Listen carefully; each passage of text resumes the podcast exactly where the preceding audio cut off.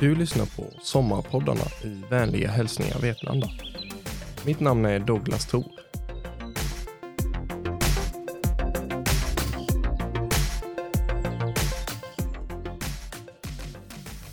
Jag är 21 år och jag bor här i Vetlanda.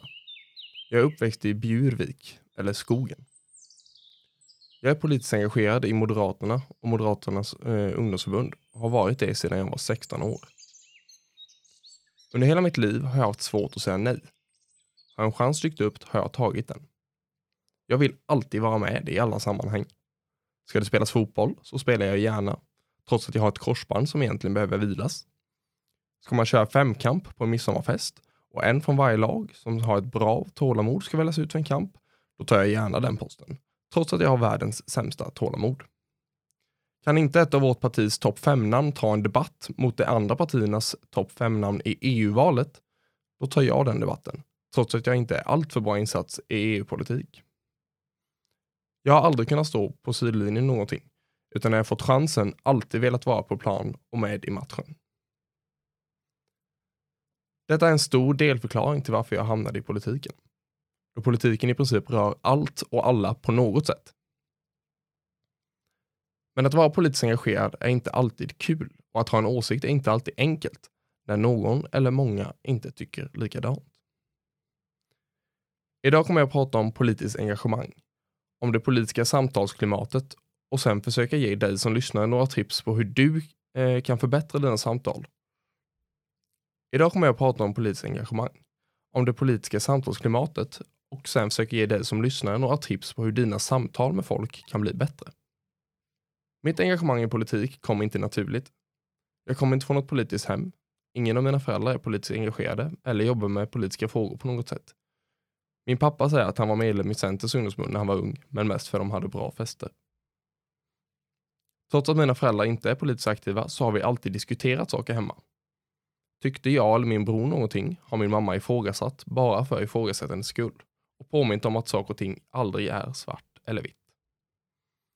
Hjärngympan som morsan utsatte mig för, ihop med mitt behov att få vara med i saker, bådade för att jag skulle fastna för politik. Under valet 2014 började jag och mina vänner runt mig diskutera saker. Jag ansåg mig höger, men vänster inom högern och försvarade ofta Liberalerna, eller Folkpartiet som de hette då. Jag älskade alla diskussioner, argument och intressanta samtal som man hade. Det var skillnad på de här samtalen från de man hade tidigare haft. De tidigare kunde vara skvaller, skitsnack och ytliga ämnen eh, som man pratade om. Men nu pratade man om viktiga saker. Skola, vård, invandring, skatter. Sånt som på riktigt påverkade hela folks liv. Dessa samtal eh, betydde någonting.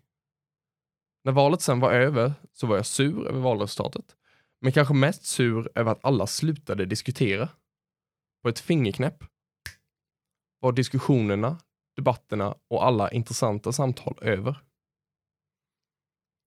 Som tur var hade nyligen MUF, Moderata ungdomsförbundet, startat upp i stan. Jag tvekade mycket ifall jag skulle gå med eller inte.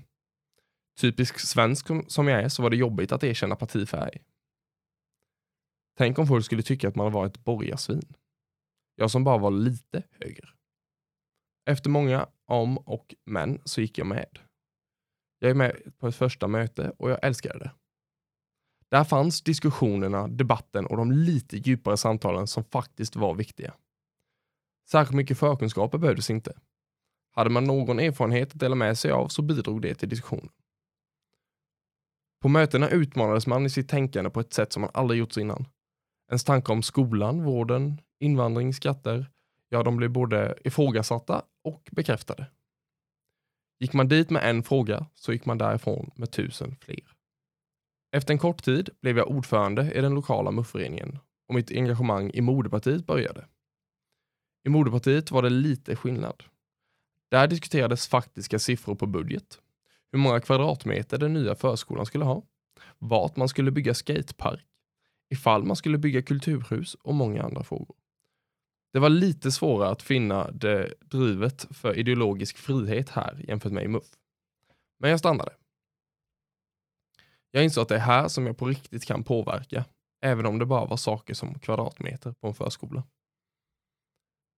Partiet tog emot mig väl. Medelåldern i parti, eh, partiets lokalföreningar är inte särskilt låg. Går man på ett gruppmöte möts man främst av 50 till 80-åringar. Så som ungdom var man uppskattad. Engagemanget bland yngre vittnar partisten om att det är lågt. Till en början förstod jag inte varför det var så få yngre, eller i alla fall medelålder, som engagerade sig. Det kommer jag dock att förstå senare. Att engagera sig i politik är tufft. Människors syn på politiker är inte direkt positiv. En kär vän till mig som är engagerad i SSU, Socialdemokraternas ungdomsförbund, har återberättat hur han blivit nekad att gå in i andra jämnårigas hus på fester enbart av anledningen att han är socialdemokrat. Flera vänner jag har inom MUF återberättar om tråkigheter och ibland till och med våld som de behövt utstå i och med sitt engagemang. En del personer står inte ut med folk som inte tycker lika som de själva. Det slår nog lika hårt mot en vilket parti man än uttrycker sig sympatisera med. Tänk dig vad som skulle hända om du sa att du röstar på Sverigedemokraterna. Kanske hade vänner till dig sagt upp vänskapen och utfryst dig. Jag minns för något år sedan då folk publicerade inlägg på Facebook där det stod om du som är min vän här på Facebook röstar på SD så vill jag att du tar bort mig som vän. Att engagera sig och försöka påverka åt det hållet man själv tror är bäst kan alltså vara väldigt tufft. Under hela mitt politiska engagemang har jag fått höra att tonen i politiken är hårdare nu och att det var bättre förr. Jag har aldrig trott på det. Jag var nära att tro på det då jag under min första Almedalsbesök blev skallad av en meningsmotståndare mitt i natten och fick vandra Visbys gator. Men jag kom fort över det. Jag är nämligen allergisk mot påståenden som “idag är det så dåligt, äh, det var bättre förr”. Varför är jag allergisk mot det? Jo, för att det är vad vårt minne försöker lura oss att tro. De flesta är automatiskt nostalgiska över hur bra det var under deras uppväxt och har en romantiserad bild av hur saker och ting brukade vara. Det är naturligt av oss att se tillbaka positivt och se framåt negativt. Det vanligaste exemplet är äldres beskrivning av dagens ungdom. Varje generation beskriver de yngre generationerna som ouppfostrade och lata. Våra dagars ungdom uppträder ohövligt, föraktar auktoriteter, har ingen respekt för äldre och pratar när de borde arbeta. De säger emot sina föräldrar, skryter på bjudningar, glufsar i sig maten och tyranniserar sina lärare. Det sägs att Sokrates redan 500 år före Kristus sa detta. Så varje gång man hör att det var bättre förr så bör man ifrågasätta och fråga om den som yttrar påståendet har data som backar upp påståendet. För det kan såklart vara sant, om nu datan säger det.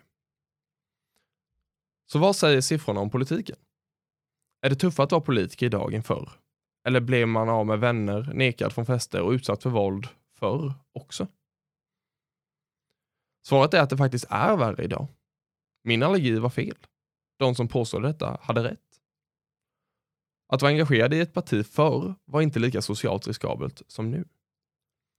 Pew Research Center har gjort stora undersökningar på amerikanska befolkningen som visar att de som röstar höger idag är mer höger än förr och de som röstar vänster är mer vänster än förr. Amer amerikansk befolkning tänker ni. Vad har det med oss i Sverige att göra? Jo, det påverkar oss i hög grad när det gäller just politik.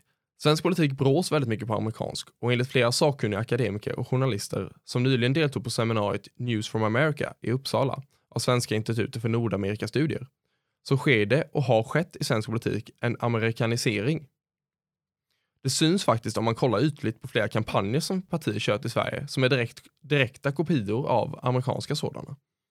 Så hur politiken ser ut i staterna är högst relevant för hur det ser ut hos oss i Sverige. Det Pew Research Center också funnit är ett ökat förakt mot ens meningsmotståndare. Att ogilla sin meningsmotståndare är inget nytt. Men föraktet mot eh, motståndarsidan är idag mycket bredare och djupare än förr. 1994 var det 16 procent av den som lutade åt vänsterhållet som starkt ogillade det på högersidan. 2014 var den siffran 38 procent, varav 27 procent tyckte att det på högen är ett hot mot nationen. Ännu värre är det på högersidan.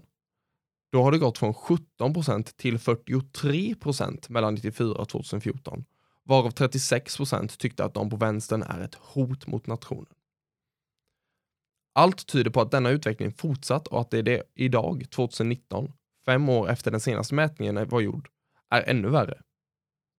Det politiska samtalet blir alltså sämre och sämre. För att förstå det politiska samtalet behöver man förstå människor och den svenska kulturen. Nu för tiden röstar vi inte för en kandidat som vi tycker är bra eller för ett parti, utan oftast emot ett parti som vi tycker inte är bra. Därför är negativ campaigning så populärt just nu. Att kampanja i ett val emot andra partier är det mest effektiva. Man bygger upp en bild av ett stort hot, en ondska som man själv är den goda kraften som kan stoppa.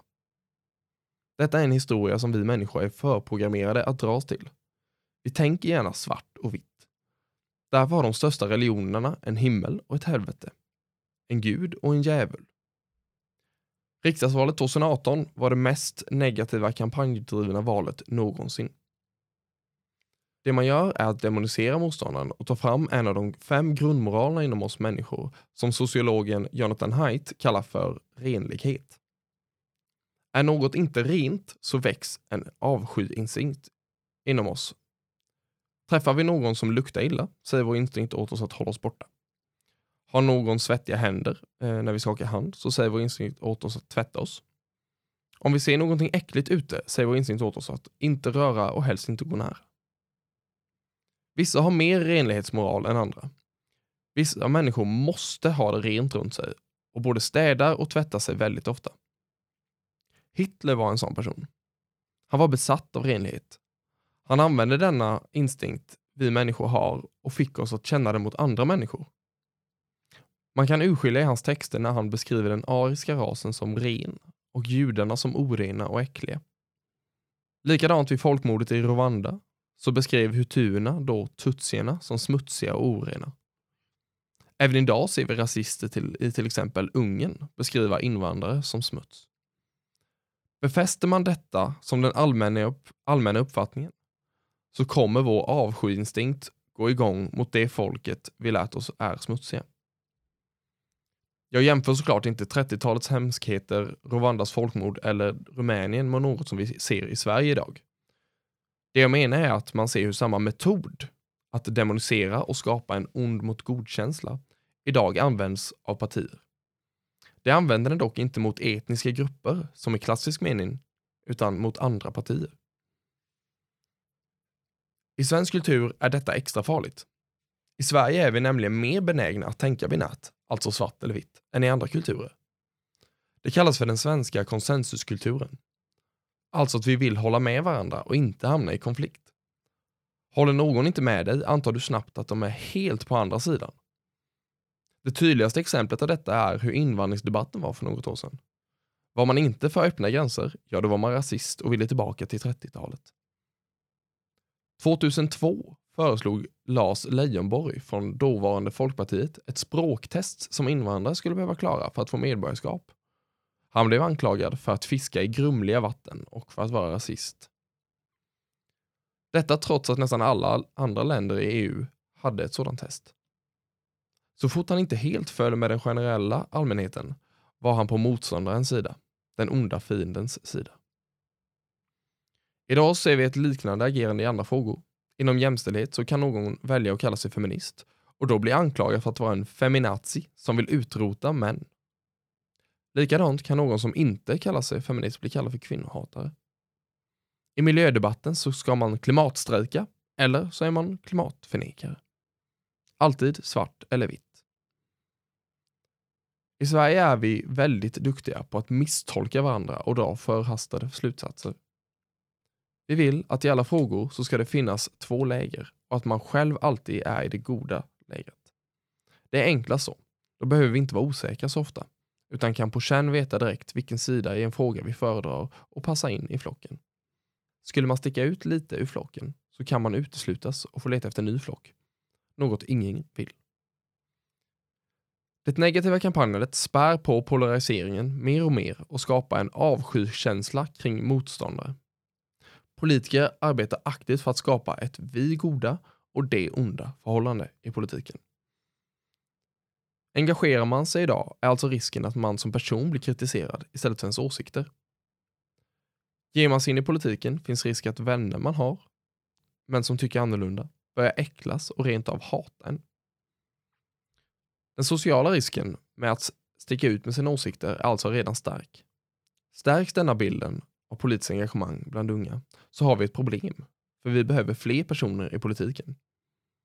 Vi människor är nämligen mycket bättre på att resonera och komma fram med bra lösningar om vi är fler. Den asiatiska visdomen lägger stor vikt på att man behöver båda sidor till att samarbeta för att få fram bra svar. Tänk på yin och yang. De är inte motståndare. De hatar inte varandra, utan är där för att komplettera varandra, som natt och dag. Inom hinduismen hittar man Vishnu, förstöraren, och Shiva, bevararen, som symboliserar förändring mot bevaring. Alltså socialism och liberalism mot konservatism. De stora gudarna delar ofta kropp och jobbar tillsammans. Inom buddhismen finns ett citat från Sen San från år 700. If you want the truth to stand clear before you, never be for or against. The struggle between for and against is the mind's worst disease. Så om politiken ska få bra svar på svåra frågor som berör miljontals människors liv behöver vi få ett bättre samtalsklimat så att vi kan bli fler och ha fler samtal partier emellan. För det måste inte se ut som det gör nu. Om vi ser till Danmark så har de en väldigt god debatt. Jag lyssnade till en analytiker av det danska valet som var nyligen och hon beskrev att de danska partierna ibland tar en åsikt bara för att de andra partierna inte har den åsikten. Det ifrågasätter lite bara för ifrågasättandets skull. Så som min mamma brukade göra. Då får du fler än två, oftast fem, sex alternativa svar på frågorna och så diskuterar partierna för att hitta den bästa vägen. Det är ju oftast inte svart eller vitt. Man kan tycka annorlunda utan att vara ond. Vi har stora utmaningar framför oss och de politiska partierna har en extremt stort ansvar som de måste börja ta.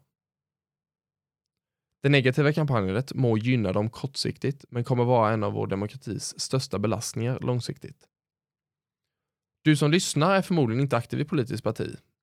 Självklart tycker jag ju att du borde bli det. Men jag tänker spara det värvningssnacket för nu. Däremot finns det andra saker som du kan göra för att förbättra samtalsklimatet i Sverige. Här kommer tre saker som du kan göra. 1. Förstå att alla har goda intentioner. Man måste förstå att 99,9% av alla människor gör saker för att de tror att det är bra. Ingen är ond och gör saker bara för att orsaka smärta. Personer som gör det är psykopater och de finns det extremt få av i vårt samhälle. Alla försöker egentligen göra det som känns rätt. Vi måste bli mer ödmjuka inför att människor är olika, men att de bara försöker leva sina liv och följa sina drömmar så bra de kan. 2. Inse att du kan förstå någon utan att hålla med dem. Att förstå att någon som blivit utsatt för något hemskt har det jobbigt, det är lätt. Men att förstå någon som inte håller med dig, det är svårt. Men det går att förstå någon utan att hålla med. Det är bara lite svårare. Försök att förstå och försök att inte misstolka vad de faktiskt menar. Jag förstår känslan hos mina vänner som är socialdemokrater när de vill höja skatten, men jag håller inte med. Det tredje tipset, och här kommer den bästa som verkligen gör magi för dina samtal i verkligheten. Ifall du pratar med någon som du inte håller med, så börja och prata om vad ni eh, faktiskt håller med varandra om. Du har säkert någon vän, jobbkamrat, klasskompis, släkting som är sverigedemokrat, eller vänsterpartist, eller kristdemokrat, miljöpartist, moderat, socialdemokrat, vad det än är. Vad det nu är för typ som du inte håller med. Ifall du pratar med dem och försöker börja med vad det är faktiskt du uppskattar med dem, eller vad det är du håller med dem om. Det hjälper massor. Hej Jim också. Något jag verkligen uppskattar med dig är när du inte vet svaret på en fråga så säger du “jag vet inte”. Det känns genuint och ärligt. Det är, det är få andra politiker som vågar göra det. Något jag inte förstår, som jag gärna vill att du försöker förklara för mig, är varför du tycker att vi borde sänka abortgränsen till vecka 12. Gör man detta blir ens konversationer så mycket bättre och du kan faktiskt få fram ett svar på någonting. För ifall du går in i en konversation eller ett samtal och inte vill ha ett svar ute, ja då är det inte ett samtal. Då försöker du vinna en debatt. Och en debatt att vinna kan du lämna upp till politiker. Så tänk på de tre sakerna när du är ute och pratar med folk, särskilt om politik. att alla har goda intentioner och att du ska försöka förstå dem och att det inte är samma sak som att hålla med dem, så kommer det bli mycket bättre och du kommer få mycket mer roliga och intressanta samtal. Det lovar jag dig. Gör fler detta kan vi få ett bättre samtal och i längden kan Sverige få bättre politik. Jag önskar verkligen att du får en trevlig sommar fylld av intressanta samtal. Tack för att du har lyssnat. Du har lyssnat på Sommarpoddarna i vänliga hälsningar Vetlanda. En poddproduktion av kommunikationsenheten i Vetlanda kommun.